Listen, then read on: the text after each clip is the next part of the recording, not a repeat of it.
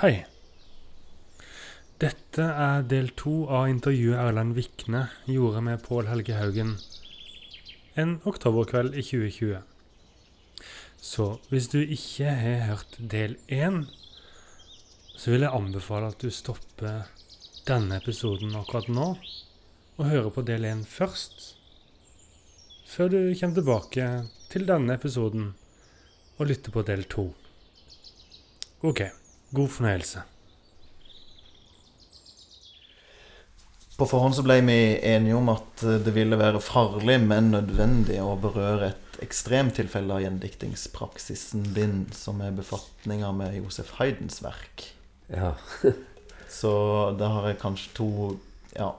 Hvordan eh, Hvordan balanserer gjenddikteren ordlyd og betydning i et sånt arbeid med tekst og musikk? Og åssen syns du at dette kan belyse da de mer konvensjonelle formene for oversettelse av poesi? Ja. Vi har vært inne på dette, men Ja, det er vanskelig. Jeg har jo gjort ting som jeg ikke burde gjøre mange ganger.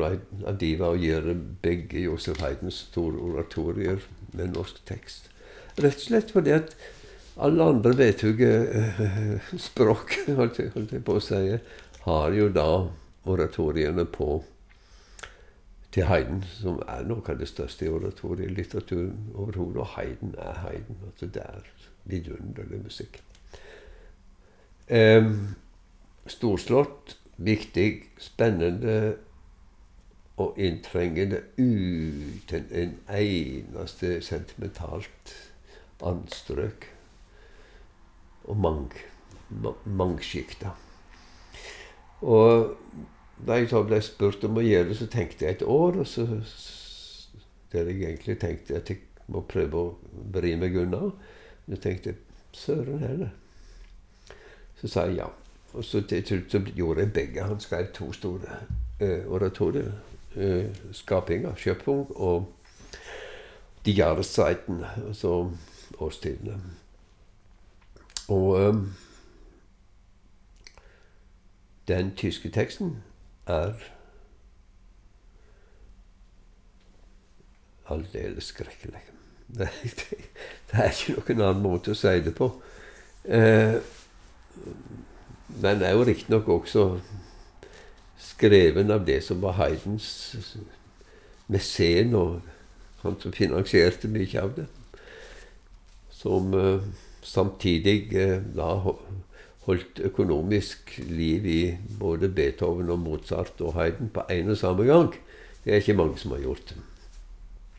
Men, eh, men til gjengjeld så ville han gjerne skrive teksten til til eh, da begge disse oratorene. Det skulle han nok ikke gjort. Det syntes ikke Haydn sjøl heller.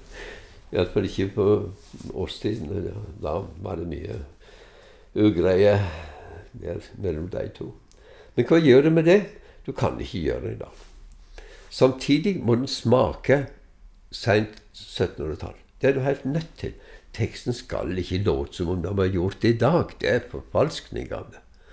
Men du kan ikke uh, lage en slags nynorsk Biedermeier-versjon av, av den teksten, som er altså så ubeskrivelig. Altså, eh, jeg sa til Grete Pedersen, som eh, var den som bestilte, som er den storslåtte dirig dirigenten til Norske Solistkor, som skulle ha det, eh, at eneste jeg kan gjøre, det er å kle av Adam og Eva i Edens hage. De må være nakne. Nå har de, er de veldig godt påkledde med, med krinoline og med sjakett og kalvekryss og det hele. Vandrer rundt i en 1700-talls velklipt hage. Det går ikke. Så det gjelder å på en måte beholde det, følelsen av at dette er gammelt, men samtidig gjøre det eh, slik at du kan forholde deg til det i dag, og at det er eh, til og med innenfor de rammene som er gitt, så er det alltid mulig å gjøre noe som løfter til noe annet. Og som skal vi også få det til å stusse. Og så kommer alle vanskene. Vanskene er at det skal være veldig godt sangbart. Nå har jeg jobba med slikt slik i mange år, så jeg ligger veldig og seg godt an med det. Men dette er altså nesten to og en halv times lange verk. Og det synges og det synges og det synges hele tida. Og det skal ligge godt i munnen både på koret og solistene. Det skal være godt å synge. Eh, og det må du vite hvordan du gjør ting godt å synge. Men så må du også vite at det du gjør godt å synge, skal kunne være stå for seg sjøl. Og så må du jobbe med Hayden. Det du gjør, er å sitte med partitur, jobber note for note, frase for frase. Så du har følelsen av å jobbe sammen med Hayden, hvilket er et privilegium. Men eh, Men det tilhører mer sånn de Det tilhører ekstremsport mer enn en gjendiktning, egentlig. Men det du lærer, det er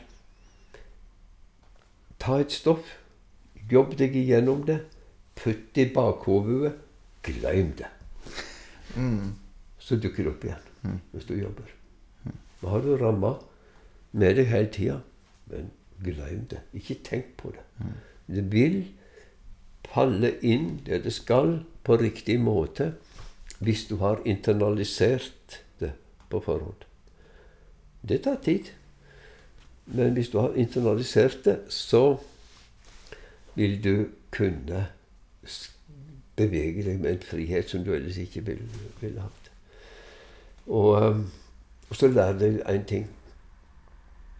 Så dette med klanglige virkemidler blir jo ekstremt eh, viktig her. Og det det lærer iallfall den som prøver seg sjøl på, på å gjøre noe slikt. Det lærer en det at Den lærer noe om hvor mye viktig Jeg har nesten sagt informasjon som ligger utenfor det syntaktiske og semantiske feltet i snever forstand. Som ligger på, på måten språket beveger seg på, og, og hvordan ordene bygger seg sammen og kolliderer og lager friksjon med hverandre. Det det skal til, og sklir og dukker opp igjen. Alt dette lærer du uendelig mye om. Så jeg har aldri gjort noe som jeg ikke har hatt nytte av på en eller annen måte seinere, selv om det likner likner ikke på hverandre i det hele tatt, så er det allikevel noe her. da, så det Klangen, klangen, klangen. Den er meningsbærende i seg sjøl. På sitt beste. Du har øh, jobba med poet i Norge som er fribyforfattere. Eh, blant annet libyske Ashur Etwebi. Eh, han er òg oversetter av japanske haiku-dikt, akkurat som, som Robert Hass og, Mhm. og deg sjøl. Ja. Um, et av Etvebi sine dikt, eh, som er gjendikta av det i antologien 'Å kysse en ørken og kysse en myr', redigert av Johanne Front Nygren og utgitt på Aschhaug i fjor, heter 'Eit hus i vinden' på norsk. Kan jeg bevege meg inn i avslutning på dette intervjuet med å lese det? Absolutt. Ein vergeløs ettermiddag. Et veldig utbreit hav. Tomme tre, ein sommerfugl og ei grav. Jeg er her, landsbyfolket er her, fortellinga på framande språk er her, bråtne tungemål er her. Jeg ønsker ikke jeg hadde visst at jeg la meg ned på ei pute av fravær. Jeg ønsker jeg hadde visst at grashoppa skremte den vesle larven. Jeg ønsker jeg hadde visst at orda er satt i drift og kaffen lys. Jeg ønsker jeg hadde visst at øynene var slørde og de store klokkene fordømte. Båter med flyktninger løfta andlet i staden for heiste seil. Bare de fryktsame er i stand til å bygge et hus i vinden. Vinden sveik tida for å kunne lytte til diktet om det store tomme. For å kunne feie bort universets vannkunner. Kan stille et slags spørsmål om eh, prioritering av tid. Vi har liksom de menneskeskapte klima- og naturforandringene som er i ferd med å ødelegge livsgrunnlaget vårt, og urettferdigheten i fordelinga av verdens gode bare øker, og utallige mennesker beveger ufrivillig på seg. Og falske populister utnytter menneskets uro til sin egen fordel, osv. Hvorfor ennå gjendikting noe å bruke tida si på, og hvilken framtid kan vi finne i gjendikting? Ja. Ehm, det kan du Det kan du si. det kan du virkelig si. Ehm, på det første så er alt som kan føre til at vi omgir oss med noenlunde mangfoldig språk, er av det gode. For jeg tror fullt og fast på at mangfoldig språk er med på å fremme en mangfoldig tankegang. Og en enfoldig stad, det er en farlig stad å være. Og det vi har av muligheter da, det er å prøve å beskrive samtida vår så godt vi kan. Og det behøver ikke være avlesbart på overflata. For det at vi konsumerer så fort nå at det er en fare for at vi blir først og fremst konsumerende det som umiddelbart er gjenkjennbart, og som i verste fall samsvarer med våre egne tenkemåter og våre egne prioriteringer og våre egne valg. Hvis en da kan prøve å vise f.eks. at det politiske er relativt mye større enn det til vanlig blir, det med samtidsskildring, det er en svært stykke som er mye, mye større enn det som lar seg avlese av, av eh, sosiale forhold eh, i, i sosiologisk forstand, for eksempel. Eller politiske krakeleringer som vi alle sammen ser sprekken av nå. Men det er svære greier som også involverer språk og tenkemåte på en litt annen måte. Og no, noen må drive på med slike ting som ikke er helt åpenbare, men som en tror allikevel kan ha noe med å leve vetugar å gjøre. Det, det er en stor ting. En av innfallsvinklene der er at vi henter inn impulser utenfra på den måten. Så det å jobbe med Ashur et Vebi er jo glede, for det. han lærer meg også om en annen tankemåte. Det er et sånt klassisk eksempel. Jeg kjenner jo Ashur uh, godt som person. Uh, vi har vært mye sammen, egentlig. Og, og jeg har begynt å kjenne tenkemåten hans. Og den er denne fantastiske blandinga av en personlig uh, måte å oppfatte tida, verden, litteraturen, språket, livet på, og en urgammel arabisk tradisjon. Den det det griper inn i hverandre hele tida, det er en fenomenal ting. Og det forflytter tanken din når du jobber med disse tingene. Og han lærer meg om dette, for jeg har da privilegiet at mannen finnes.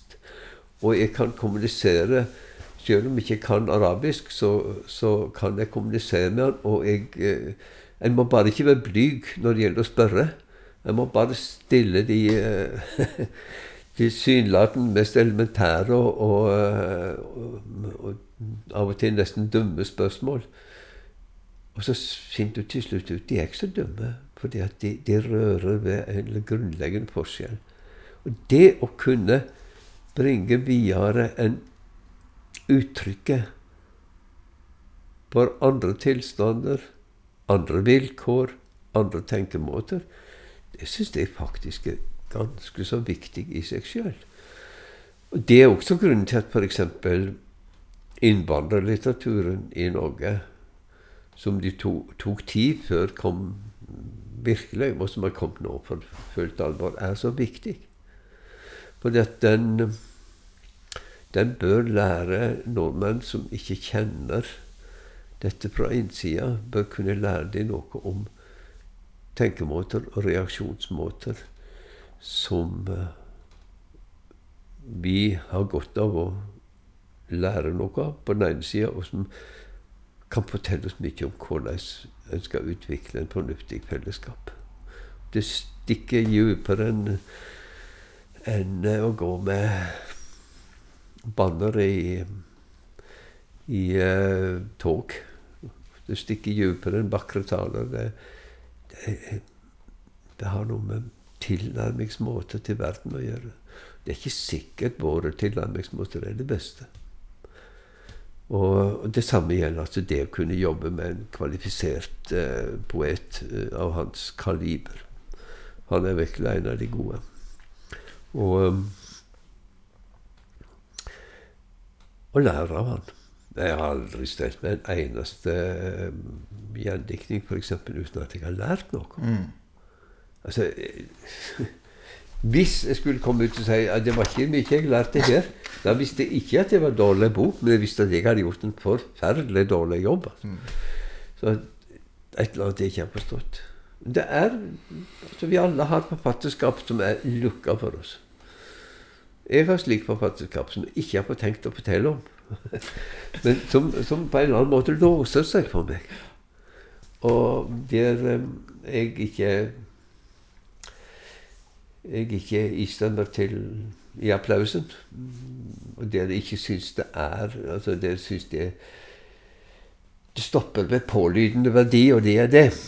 Men um, så får vi leite hva som, hva som er våre våre eh, spesialområder. Og så, og så altså, Hvis han slutter å være nysgjerrig, så kan, da kan jo det meste være det, være, være det samme med. Og jeg har veldig sans for, for Herta Müller. Eh, jo, jeg har sans for partnerskap. Hennes også, men jeg har veldig sans for en ting hun fortalte. Hun fortalte at hun samla på ord. Og de skrev hun ned på lapper, og så putta du i et skap hjemme hos seg sjøl som var bare for det. Et såkalt ordskap. ordskap ja. Og der lå ord som hadde samla. Mm. Det kunne være merkelige ord. Det kunne være ord som eh, utløste en eller annen spesiell reaksjon hos henne. Men der har du ordskap. Mm. Det, den type eh, nysgjerrighet, den eh, det, det, bør nok en del av, av, av folk som driver med gjendiktning Det plitter seg ekstra mye på. Jeg tror vi får spare det til en dette, Det får bli en idé til en annen podkast med lukka Bind tre. ja, og når Pål Helge Haugen kommer tilbake igjen for å snakke om forfatterskap som er lukka foran Ja, jo. Nei da, det, det, det, det var en spøk. Det, det tilhører tida etter at mikrofonen er slått av. Ja. altså, jeg føler jo vi har Eller at du har uh, snakka om det som har vært det overhengende spørsmålet for samtalen i dag. Altså hvorfor gjendikte forfattere? Og jeg tror òg vi, vi, sikkert har snakka altfor lenge eh, nå. Men er du fornøyd med, med, med svarene som ligger inni det som er sagt på hvorfor jeg forfatter gjendiktet? Jeg syns det er noen svar, i alle fall. Så er det jo en del svar som er like viktige som ikke er der. Og så er det alle de aller viktigste svar som vi har så vanskelig med å formulere at um, det, Hvis vi er heldige, så dukker det kanskje opp en formulering på det etter hvert. Det, det er jo sånt som jeg gjør når en når en um, sitter og oversetter. Um, og så er det jo det at noe er jo bundet i, i sitt utgangspunkt, som er så fryktelig vanskelig. Altså det ser ut som det er grodd ut av språket. Octavio Paz snakker en stad om at den mest fenomenale eh, litteraturen er der tankene er inkarnerte i språket. Det kan høres ut som et flott uh, utsagn, men det er veldig, veldig svært. Liksom. Hvordan inkarnerer du alt dette i språket? Hvis du får til det, da, da kan du gjøre det som jeg håper veldig på av oss gjør, å klappe seg sjøl på skulderen. Det er ting som jeg godt kan la være. Så, men det, altså, de enkleste ting kan eh, Bare avslutte dette her, behøver ikke være med på nok ting, men bare som et lite eksempel på Så plukka jeg ut et par ting. Dette her er eh, samtale tvers over bordet. Egentlig bare og ikke en del av prosjektet vårt. Jo eh, Fra Alice Oswald. Bare som eksempel på hva, hva gjør en? I slutten av en av tekstene i 'Nobody' så heter det 'Crawling along the sea surface on my knees, stripped of everything, even gravity, have mercy'. Det, have mercy. Mm. Det slår deg helt ut crawling along the sea surface on my knees, stripped of everything, even gravity, have mercy. Hvordan oversetter du gravity? Forslag? Gravity. Tyngdekraft, altså gravitasjon Ja, ja. Mm. Men det går ikke så godt. det gjør ikke det. Altså, hva ligger i gravity? Det ligger to hovedting. Mm. For det første ligger det det med tyngde, og, som du var inne på. Selvfølgelig. Um, men det er jo ikke bare tyngdekrafta, men tyngde i seg sjøl. Altså. Ikke bare, ikke bare uh, gravitasjonen, men, men tyngde. Uh, og vekt. Men på den andre sida ligger noe helt annet, uh, som kommer fra det latenske gravitas. Mm. Som jo da betyr eh, verdighet, ikke sant? Eh, betydning, verdi. Her Stripped of everything, even gravity, have mercy. Jeg ligger og vipper midt imellom. På det første står det 'crawling along the sea surface on my knees, stripped of everything, even gravity'. How could you else crawl on the sea surface. Da er du stripped of gravity. Men det, det, det vipper. Og dette, altså, sånn kan du bli sittende igjen med ett begrep i dagevis.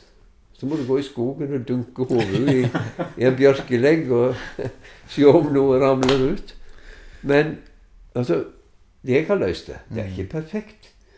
Men jeg har løst det med ordet egenvekt. For da er det noe med egen Den vekta du har i deg sjøl. Så det, jeg tror ikke det går an å løse det bedre på norsk. For det har litt gravitas, litt, verd, litt verdighet. Min egen vekt. Mm. Men det har også vekt. Altså. Sånne ting. Og så sitter det langt inne. Så jeg, plukker, jeg har gjort en av disse her eh, disse her eh, dyrediktene hennes fra Pauling Awake-boka før 'Nobody'. Eh, den eneste jeg våga meg på. Altså Svanen og, og flugene Mm-mm. Det mysteriet skal en ta forsiktig i. Men det er som heter The Fox. Det er en, eh, en revetispe som kommer jeiende inn et, om natta i et uh, bueområde av svolt. Det er veldig kort og veldig liten. Og gjør Og så er det siste strofen til Alice Oswald lyder sånn. As if to say Altså lyden. As if to say It's midnight, and my life is laid beneath my children like gold leaf. Og det er selvfølgelig totalt vidunderlig. Men hva gjør du med det på norsk? Det er enkelt. Tilsynelatende. Men så As if to say it's midnight and my life is laid beneath my children. Hvordan oversetter du 'laid beneath my children'? Det kom noen forslag. Det er lagt under. Det er lagt ut under. Det er spreid ut under. Det er falla ut under. Det er bretta ut under. Eller det ligger bretta ut under. Ja. Hva er det beste? Mm, det er ikke det. Prøv deg på den. Altså, det er den type ting må en også, må en også gjøre. Ellers så klarer en bare ikke å gi kvalifiserte vurderinger. egentlig. Slik at det, altså, dette bare for å illustrere at under tilsynelatende enkle ting så er det avgrunner av muligheter. Og den ene er alltid bedre enn den andre. Mm. Eller alltid beste, kanskje, hvis du er heldig. For, kan vi høre før vi skrur av mikrofonen hva som ble løsninga på det diktet? Eh, jeg har ikke tatt diktet med, men det jeg valgte her, var 'ligg bretta ut under'. Mm. Altså It's laid beneath my children' ble på norsk eh, 'ligg bretta ut under barna mine som, som bladgull'. Mm. Så du, du har livet, så bretter du det ut for ungene dine. Mm. Denne her eh, revetispa gjør. Mm. My life is laid beneath my children like gold leaf. Nydelig løp. Så ble det på norsk altså at livet mitt er ligg bretta ut under barna mine som bladgull. Må, livet må ligge, og det må være bretta ut, for det må være et eller annet som må samla. Og så har det kommet en kraft som har brydd og bretta det ut. Det er ikke nok at det ligger under. Det ligger bretta ut under. Mm. Sånne ting. Mm. det var bra å komme inn på noe av det helt konkrete. Ut, Ja. Hva? det var fint å komme inn på òg helt Ja. de der eh, millionene av, av valg som en eh, gjør mens en holder på. Det er også det som skil- skiller de gode gjendiktningene ut dårlige. Har de gjort den type vurderinger? Og jeg spør meg alltid sjøl, og veit at svaret er negativt. Har jeg gjort vurderinger slik på alle de punktene jeg burde gjøre? Mm. Nesten uoverkommelig. Men det, du kommer alltid til, til kort på det også. Men eh, Nei, jeg syns det er sånne, det, spesielt de som har det enkle ord, Mm. hvor vanvittig mye mye det er å tenke på hvis du jobber med det. Det er eh, Det er ikke Ingenting er selvsagt. Du går på sånn grunn som kan slippe når som helst. Er det ferdig, eller? Ja, vi kan avslutte da. Eh, Du skal jo liksom, nå skal jo du hjem og redigere halvannen time ned til 50 minutter, eller? Det tør jeg ikke. Det tør jeg ikke. Nei, men uh, Stakkars mann. vi kan avslutte her. Og denne podkasten er produsert av Atle Haaland for Litteraturhuset i Kristiansand. Med støtte fra stiftelsen Kultiva Agder fylkeskommune og Fritt Ord.